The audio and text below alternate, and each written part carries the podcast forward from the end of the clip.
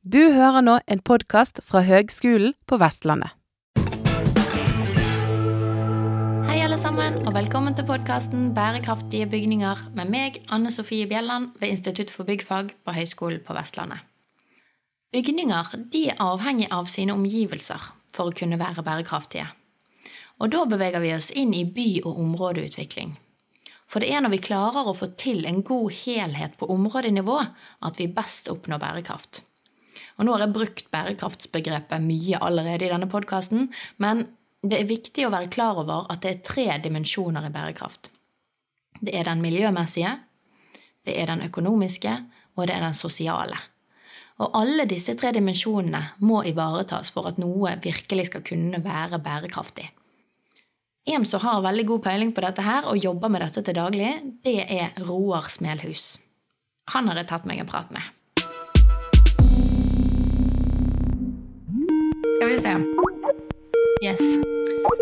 Eh, Hei sann, Roar. Hei, hei. Takk for at du vil være med på podkast. Bare hyggelig, det. Jeg gleder meg til å prate. Ja, så bra. Kanskje du begynner med å fortelle litt om deg sjøl og bakgrunnen din, og, og si, hvor du er nå, og hva du driver med? Ja, så Jeg er jo opprinnelig ingeniør, VVS-ingeniør, så jeg har jobbet som VVS-ingeniør i mange år. Egentlig så var jeg litt kjedelig, altså jeg har jobbet mange år samme sted. Så Jeg var i et selskap som het Gjeldnes Konsult fra jeg var ferdig utdannet ingeniør i 94, helt til vi ble kjøpt opp av Multiconsult i 2018. Så jeg har egentlig jobbet som rådgivende ingeniør hele tiden og vært veldig aktiv både da, selvfølgelig i selskapet, men også i uh, ulike ting i Rådgivende ingeniørers forening. Så, så, det er, er greia. Så, sånn sett er det litt sånn kjedelig i forhold til hvor jeg har vært. og sånn. Jeg har ikke vært så mye rundt, jeg har vært veldig uh, et sted. Men når, jeg, når, vi ble kjøpt opp av Multiconsult, så fant jeg ut etter hvert at uh, da kunne anledningen være god til å prøve meg litt for meg selv. Så i 2018 så gikk jeg ut og startet uh, for meg selv, så nå er jeg selvstendig rådgiver. og har liksom ikke noen plan om å vokse i det selskapet. Det er på en måte mitt selskap, og så er det mitt mål å gjøre mest mulig impact i de nettverkene jeg, og de initiativene jeg jobber med. Vi skal vel snakke litt om Proptech Bergen bl.a., og, og det er jo et av mine initiativer som jeg gjør da ut fra mitt selskap. Da. Ja, Men du har jo også tatt noe mer utdanning, har ikke du det? Jeg har egentlig alltid utdannet meg, nesten. For jeg visste den gangen jeg var ferdig ingeniør at jeg skulle studere noe mer, men jeg kanskje skulle jobbe noen år først. Så jeg jobbet vel i fem års tid og liksom var typisk prosjektleder innenfor VVS energiområdet. Jobbet mye i bygg. Og så begynte jeg å studere ved siden av. Så da studerte jeg først en, tok jeg en bachelor i økonomi og ledelse på BI over seks år, så det er sånn du gjør ved siden av jobb. Da. Så jeg tok, jo, tok lang tid, men jeg gjorde det liksom hele tiden ved siden av. Mm. Og så det, jobb, jobb, da, det ga meg også muligheter til å få mer ledelse, for jeg skrev alle mine oppgaver for, for selskapet. Ja. Da hjalp jeg til i alle strategiprosesser og den type ting i selskapet gjennom det studiet. Og så når jeg liksom var ferdig der, og da satt jeg jo i lederoppgaver, uh, så ville jeg studere mer, så da jeg, begynte jeg på en, en sånn Executive Master of Management på, på BI, en sånn type MBA.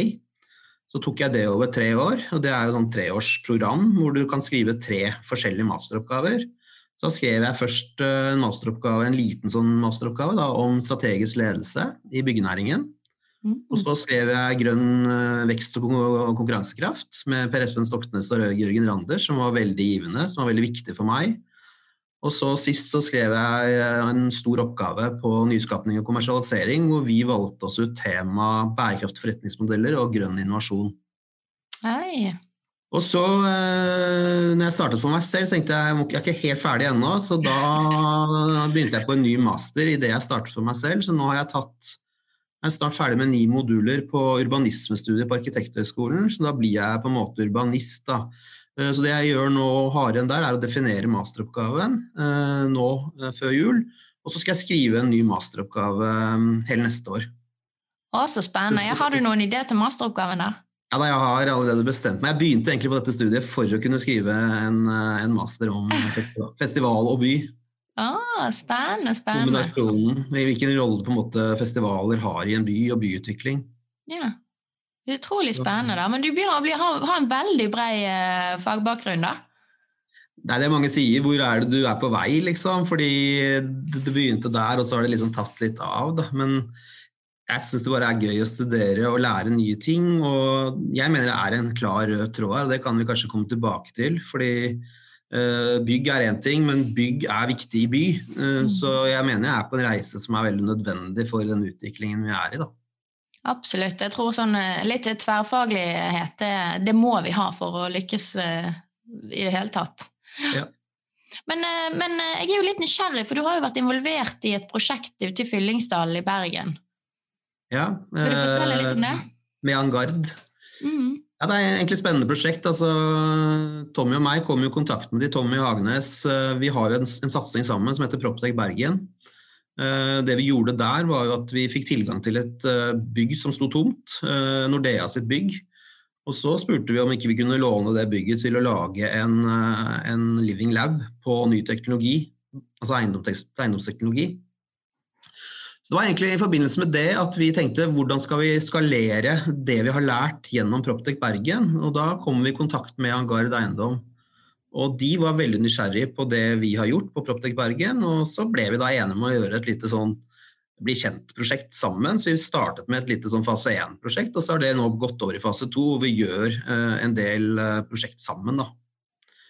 Og det er, egentlig, det er jo et stort område som skal bli den grønne byen, så de skal jo bygge masse, masse bolig der på sikt.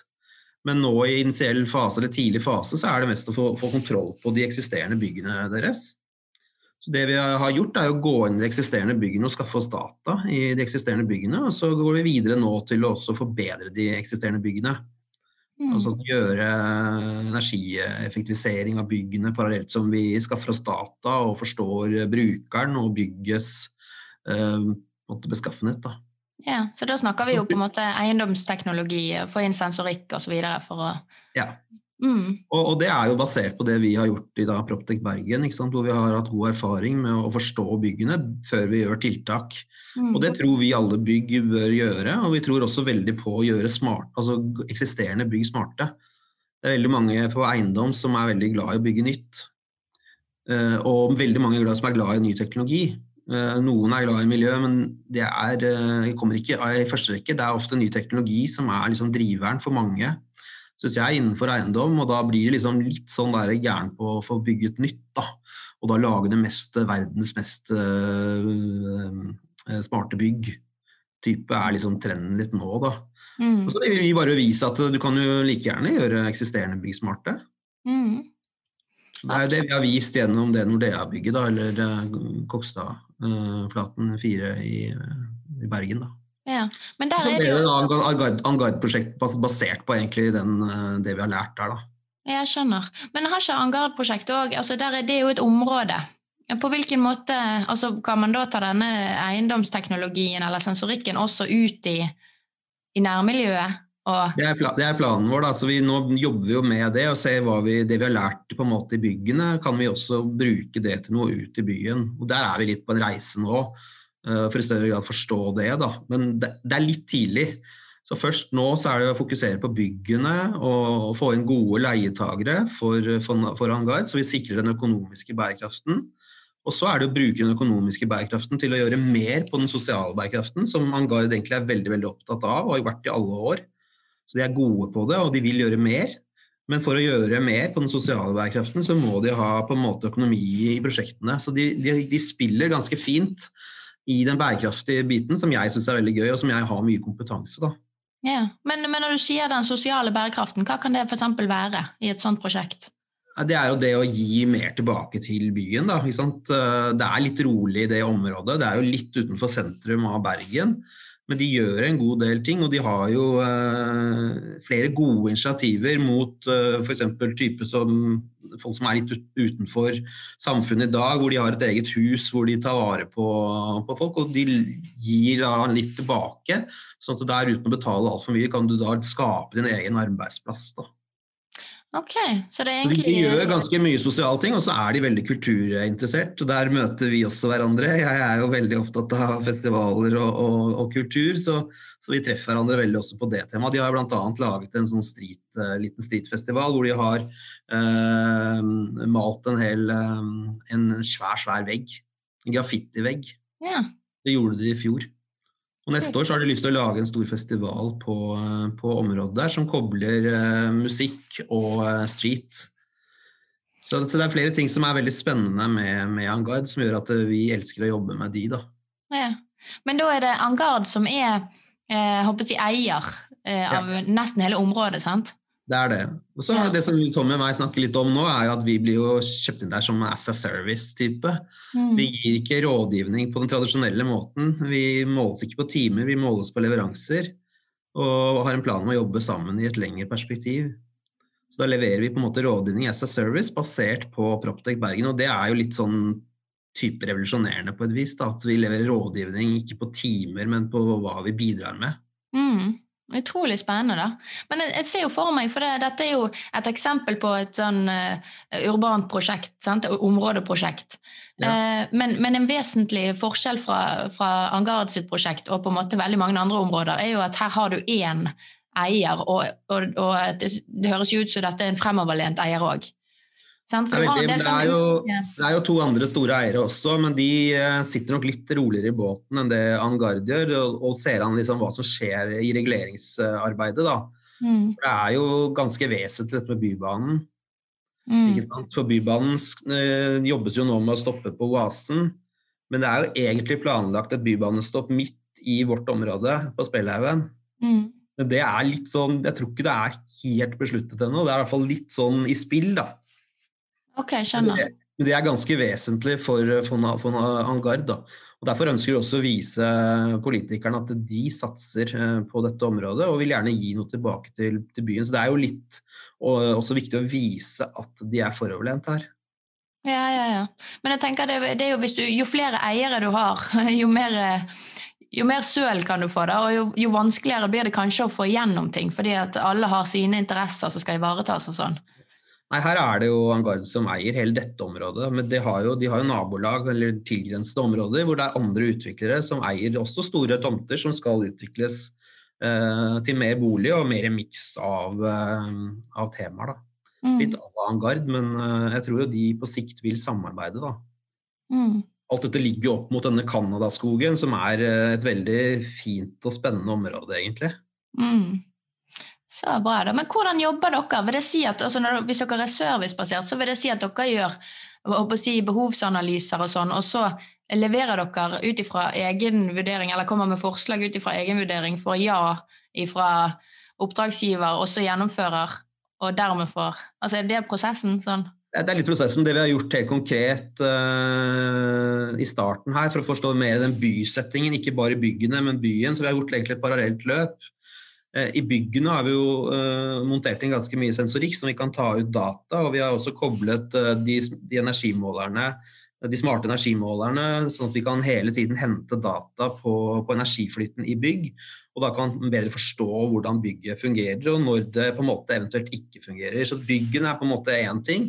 Mm. Men det vi har gjort i, mot byen, er jo det å forstå byen på litt samme måten. Da. Men der har vi gjort en sånn sosiokulturell stedsanalyse, hvor vi har også vært litt rundt i området for å se hva er det dette området trenger. Og så har vi snakket med folk og så har vi gjort en analyse av det for å se på liksom, hva er det Angard bør prioritere. da fremover har blitt enige om noen temaer vi skal jobbe med, og så måles vi på litt andre kriterier enn en bare på, på økonomi. Da. Mm. Men hvilke temaer er det snakk om nå? Hva mangler det området? Det, det, det, det, mange sier, er at vi mangler på en måte en litt sånn kultur og et mer eh, sånn utover, eller foroverlent uh, møteplasskonsept. Mm. Så det vi gjør i den, det ene bygget vi, et ganske stort bygg vi jobber med nå, det er jo å prøve å lage den første etasjen mer tilgjengelig for alle som, er, som bor i Fyllingsdalen og Spelhaugen spesielt. da. Uh, at Der kan du både få deg en kaffekopp, uh, selv om du ikke er leietager, men du kommer bare på besøk, så kan du få deg en kaffekopp, eller du kan ta en kake, eller du kan spise middagen din der, eller du kan oppleve et kulturinnslag, uh, eller du kan bare sitte og jobbe, eller gå i biblioteket og lese en bok. Mm. Vi prøver å lage noe der som betyr noe for stedet, da, utover uh, selve bygget. Mm. Men Da er det snakk om å få leietagere som kan drive en liten forretning der, da? eller? Så Det jobber vi med nå, da, se på hvem er det som kan drifte dette totalkonseptet. da, og Det er jo litt vanskelig, fordi dette blir noe litt kvasi. Det blir ikke en kantinedrift. Det blir en kombinasjon av kafé, kulturhus og kantine. Mm. Så vi er jo i dialog med noen av de tradisjonelle, men det kan nok hende at vi må i større grad eh, utfordre noen nye aktører. Veldig spennende, da, fordi at um, dette er jo noe som er veldig vanlig i reguleringsplaner nå i sentrumsnære strøk. At sant, første etasje skal være Ja. til eh, service og til publikum og sånn. Men, men det som jeg ser, er jo at det tar, det tar ofte litt tid før noe etablerer seg, og det er ikke alltid at noe etablerer seg som nødvendigvis er så veldig attraktivt for publikum. Sant? Fordi at man må jo, man må jo ha det, det markedet da, som vil faktisk leie de lokalene og sånn. Det vi prøver å jobbe med her, da, det er å gjøre liksom stegvis litt sånn innovativ tilnærming. Så vi pusser jo ikke opp hele huset, vi tar deler, og så tester vi markedet om det gir respons. Og hvis det gir respons, så får vi økonomi inn i prosjektet, og så gjør vi ytterligere forbedringer. Så vi gjør på en måte ikke mer forbedringer enn det vi har råd til. Da. Så prosjektet skal forsvare, eller løpende forsvare på en måte hele bærekraftsperspektivet. Da. Så vi, vi jobber virkelig med alle tre dimensjoner av bærekraft og prøver å sikre den økonomiske bærekraften, sånn at vi kan gjøre mer på den miljømessige og den sosiale bærekraften. Så vi prøver å spille, og det er det jeg mener er bærekraftig bygg. Veldig mange eh, snakker om bærekraftig bygg, så går man rett på miljødelen. Mm. Den er en viktig del, men du har jo to andre perspektiver også du skal ivareta. Og der syns jeg at vi er for dårlige, da. Og Der tror jeg mange som mangler kompetanse på hva egentlig et bærekraftig bygg eller en bærekraftig by er for noe. Ja, absolutt. Bærekraft blir jo brukt eh, veldig om, og i hipp som happ, på, jeg, uten at folk egentlig kanskje vet hva de snakker om, eller jeg håper jeg, tenker på den definisjonen som du, eh, du er inne på der, da, med en sosial dimensjon, en økonomisk dimensjon og en miljødimensjon. Men jeg, har jo selv, jeg har selv jobbet mest med den miljømessige. Jeg har jo vært miljø- og energirådgiver siden jeg begynte som ingeniør i 94. Mm, Så var jeg mange år som jeg jobbet med enøkanalyser og den type ting inn i våre prosjekter. mm, Så jeg har selv også gått den reisen. Jeg har jobbet mest med miljø. Og så har jeg tatt en økonomisk utdannelse ved siden av, jobbet mye mer med ledelse, tatt mye mer større ansvar, eh, både kompetansemessig, men også bransjemessig. eh, Gjennom at jeg har lært meg mer om den eh, økonomiske bærekraften. Og det Mm. siste beinet jeg jobber mye med nå, som egentlig er grunnen til at jeg tar en master til, det er jo den sosiale bærekraften. For jeg studerer jo nå urbanisme, ikke sant? og det er mye på det sosiale temaet. Veldig spennende. Men da må jeg spørre deg, for det at, eh, dette her med, med fortettingspolitikken, sant? Eh, I de store byene og tettstedene så skal det nå fortettes langs eh, transportårer osv. Og, og eh, Bergen er jo et eksempel på det langs Bybanen. Eh, Vi snakker veldig små tomter og vi snakker veldig høy utnyttelsesgrad. Eh, Noe som, som i hvert fall i, i noen av prosjektene som vi ser, da, så resulterer jo det i uteområder og sånn som du får ikke helt lyst til å være der, da, for å si det sånn. Det, er, det er et lite, trangt område, det er gjerne omringet av veldig høye hus og dermed litt skyggebelagt, selv om man prøver jo å regulere for det motsatte. Eh, så, så der jeg føler liksom at det er veldig sånn konfliktfylt, dette her med å ivareta. For det, motivasjonen er jo da å ivareta økonomisk bærekraft. Miljømessig bærekraft ligger til bunn for hele fortettingsstrategien. sant? Men den der sosiale, den faller liksom eh, mellom stolene. Enig? Helt enig. og Det er derfor jeg studerer det her. ikke sant? Fordi jeg ønsker å være en god rådgiver. Og, og jeg ser jo hvor eh, eiendomsbransjen har størst tuller, det er jo på den sosiale bærekraften. Så ikke sant? eh, sånn, I dag så er det sånn Er kompakt by? Ja, det er miljømessig riktig, og det er økonomisk eh, smart. Det har eiendomsaktørene skjønt, ikke sant? så de skal bygge høyest mulig og tettest mulig. Og da kan de forsvare det med at det er bærekraftig.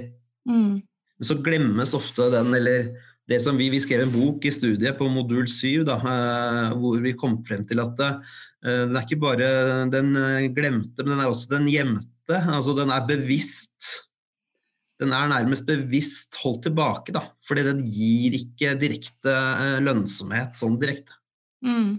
Men det det så blir litt sånn, sånn Den blir på en måte bevisst holdt litt tilbake. og Da, da stilte vi spørsmål da, i klassen, og, og de som skrev på det kapitlet, stilte da spørsmål om øh, hvem er det som skal redde det her? Hvem er det som skal øh, endre det bildet? At vi ikke får de områdene, men at de områdene også blir bedre for menneskene. altså At det blir en bedre by av det, og bedre by rundt disse knutepunktene. Mm. Det, tenkte, det så vi på da, i forhold til maktstrukturer og sånn, så, så ser vi at det er jo det offentlige som må gå inn og på en måte mer regulere Ja, så den sosiale bærekraften inn i prosjektene. Fordi Ja. det, det kommer ikke av seg selv. Nei. Og alternativet, i hvert fall sånn som, sånn som jeg ser det, da, så er jo vi har jo veldig lineær økonomi, i, spesielt i boligprosjekter. sant? Det skal bygges, og så skal det selges, og så er på en måte etter en liten garantiperiode så er man på en måte ferdig med saken. Not mm. my business, liksom. Ja, ja. Og, og, det er jo på ingen måte sirkulært, og det stimulerer jo heller ikke til å tenke denne langsiktigheten. Og hadde de økonomiske eh, rammeverkene vært litt annerledes, så kunne jo den sosiale bærekraften virkelig vært lønnsom, også økonomisk. Ja, men da kommer vi inn til et annet tema som jeg alltid har jobbet mye med og brenner veldig for. Det er, altså, jeg, og som jeg ofte sier, altså, Du kan ikke få et bærekraftig resultat uten en bærekraftig start og prosess. Mm. Så veldig mange planprosesser er feil eller for dårlig ordnet. Altså det, det er skinnprosesser på, på medvirkning bl.a. Og det er ikke gode nok prosesser til å få frem det beste resultatet i det området. Det er dragkamp kanskje mellom de private, det offentlige eh, og planmyndighetene. Så, Det er en, en utfordring. Og så er det når det kommer til selve byggeprosjekter, så blir ikke de heller satt opp på en god måte for en, en prosess da, som er bærekraftig. Veldig mm. ofte så blir de mange prosjekter gjennomført som en totalentreprise. Og i en totalentreprise så er det ikke innovasjon og nye løsninger som er på agendaen. Det er å egentlig gjøre så effektivt det du har gjort før. Mm. Uten å ta for mye risiko. Ja, ja, det er jo risiko. Jeg prater, jeg prater, veldig mye om det her, fordi eh, du får ikke til det her uten at du får til mer samspill. Og at du også trekker inn den riktige kompetansen tidlig. Mm, mm.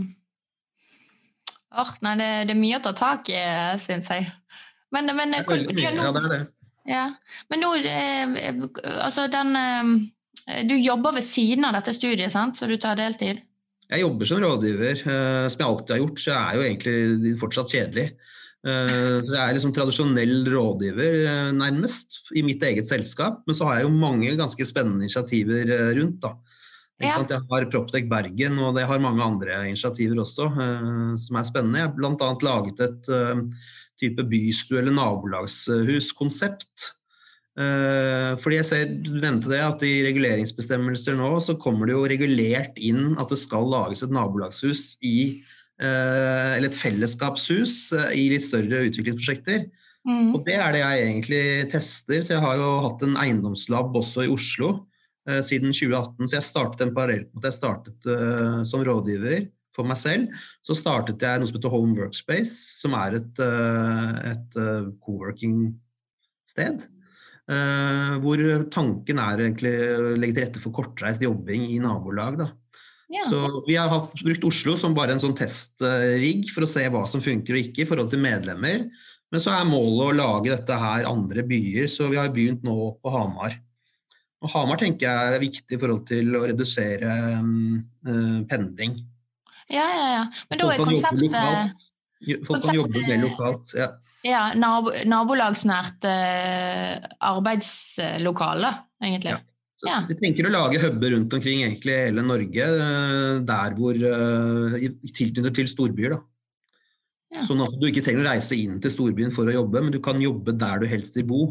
I mm. stedet for å sitte på et hjemmekontor, så kan du sitte på huben nært til hjemmet ditt. Mm. Og da kan du uh, redusere miljøpåvirkning, selvfølgelig, for du slipper å kjøre og reise. Mm. Uh, det er en viktig del av det, men du slipper også å bruke mye tid på pendling og reising, og du slipper å sitte i kø. Det er jo helt meningsløst. Veldig mange reiser jo fra Hamar inn til Oslo for å ta opp PC-en, og så drar de hjem igjen med PC-en sin. Mm. Så jobber de på PC-en hele tiden mens de er i Oslo, så sitter de i kø begge veier og, mm. og belaster miljøet. Mm. Altså, da, blir, da, får du, tror jeg, da, i visse tilfeller en sånn omvendt urbanisering.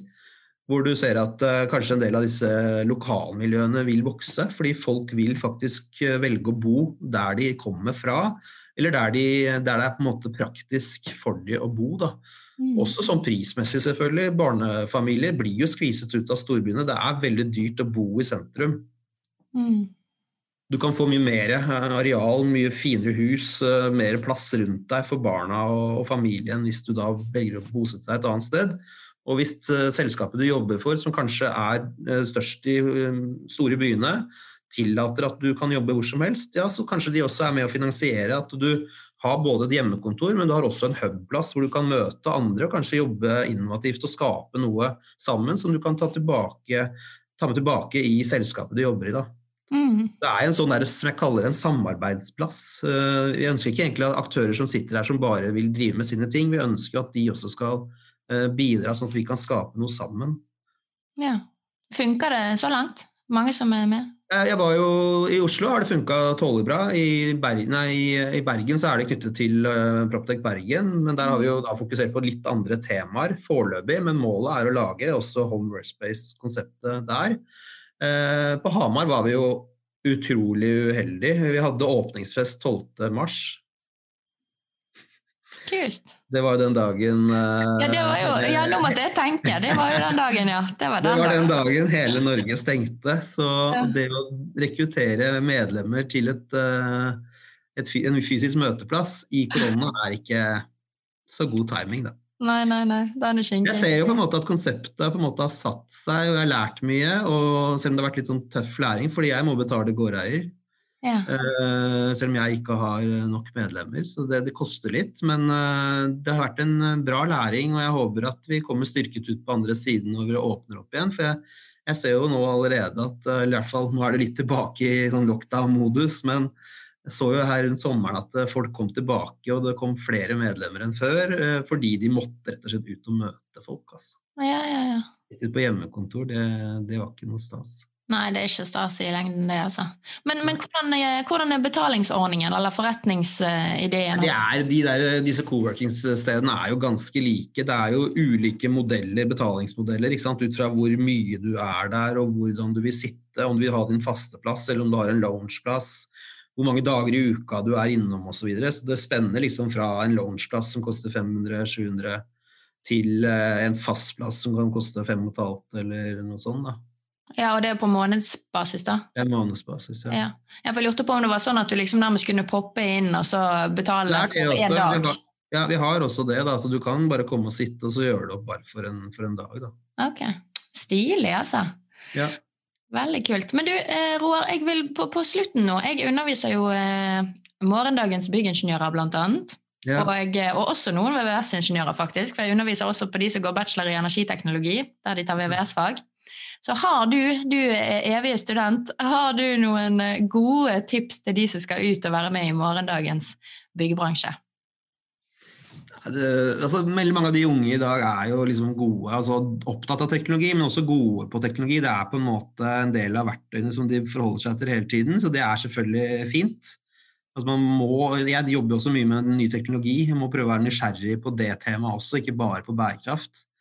Men, eh, så det er viktig, men eh, selvfølgelig alt som har med bærekraft er jo bare å kaste seg for å prøve å forstå. Og det som er med bærekraft, det er jo det er ikke sånn, Du blir ikke kanskje racer på alt der med en gang. fordi sånn som Jeg har jobbet eh, da 25 år ikke sant, og, og har skolert meg veldig mye parallelt. Eh, Kanskje jeg er litt dum og litt treg, men det tar litt tid å få på en måte det helhetsperspektivet. da. Mm. Men, eh, men der ser jeg også for så vidt en del av de unge har jo dette her litt mer inn. Og interessen er jo helt klart der, så bare kom igjen, og flere. Eh, Jeg heier jo massivt på Greta Thunberg og eh, Natur og Ungdom og alle ungdommer som står på barrikadene for dette. For det, uten tet på det her, så får vi ikke til rask nok endring. Fordi min generasjon er ikke, er ikke kobla på og forstår ikke helt hva dette her dreier seg om. Altså. Mm. Så vi trenger at eh, flere av de unge som virkelig brenner og bare tør å stå opp for fremtiden sin, er ekstremt viktig. Så liksom bare velg det temaet og, og, og lær deg disse tingene. altså Bruk det ut i jobben, og utfordre. Utfordre lederne dine, utfordre selskapet du jobber i til å ta et større ansvar. Mm. Bli en del av løsningen, ikke vær en del av problemet. Veldig bra. Det var kloke ord på tampen der.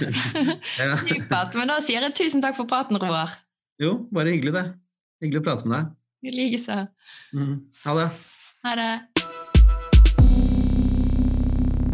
Vi trenger flere bærekraftsaktører i bransjen, folkens. Og hva det innebærer, det kommer jo helt an på hvilken rolle man har i bransjen, men alle parter kan gjøre noe. Og det krever at vi stiller spørsmål til etablerte normer og metoder, og det krever tverrfaglig nysgjerrighet og samspill. Og det er først da at det oppstår nye, gøye løsninger som får oss til å nærme oss bærekraftig byggeri.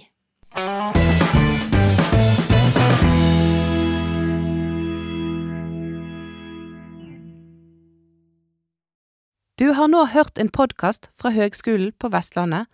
For å høre flere podkaster, besøk hvl.no slash podkast.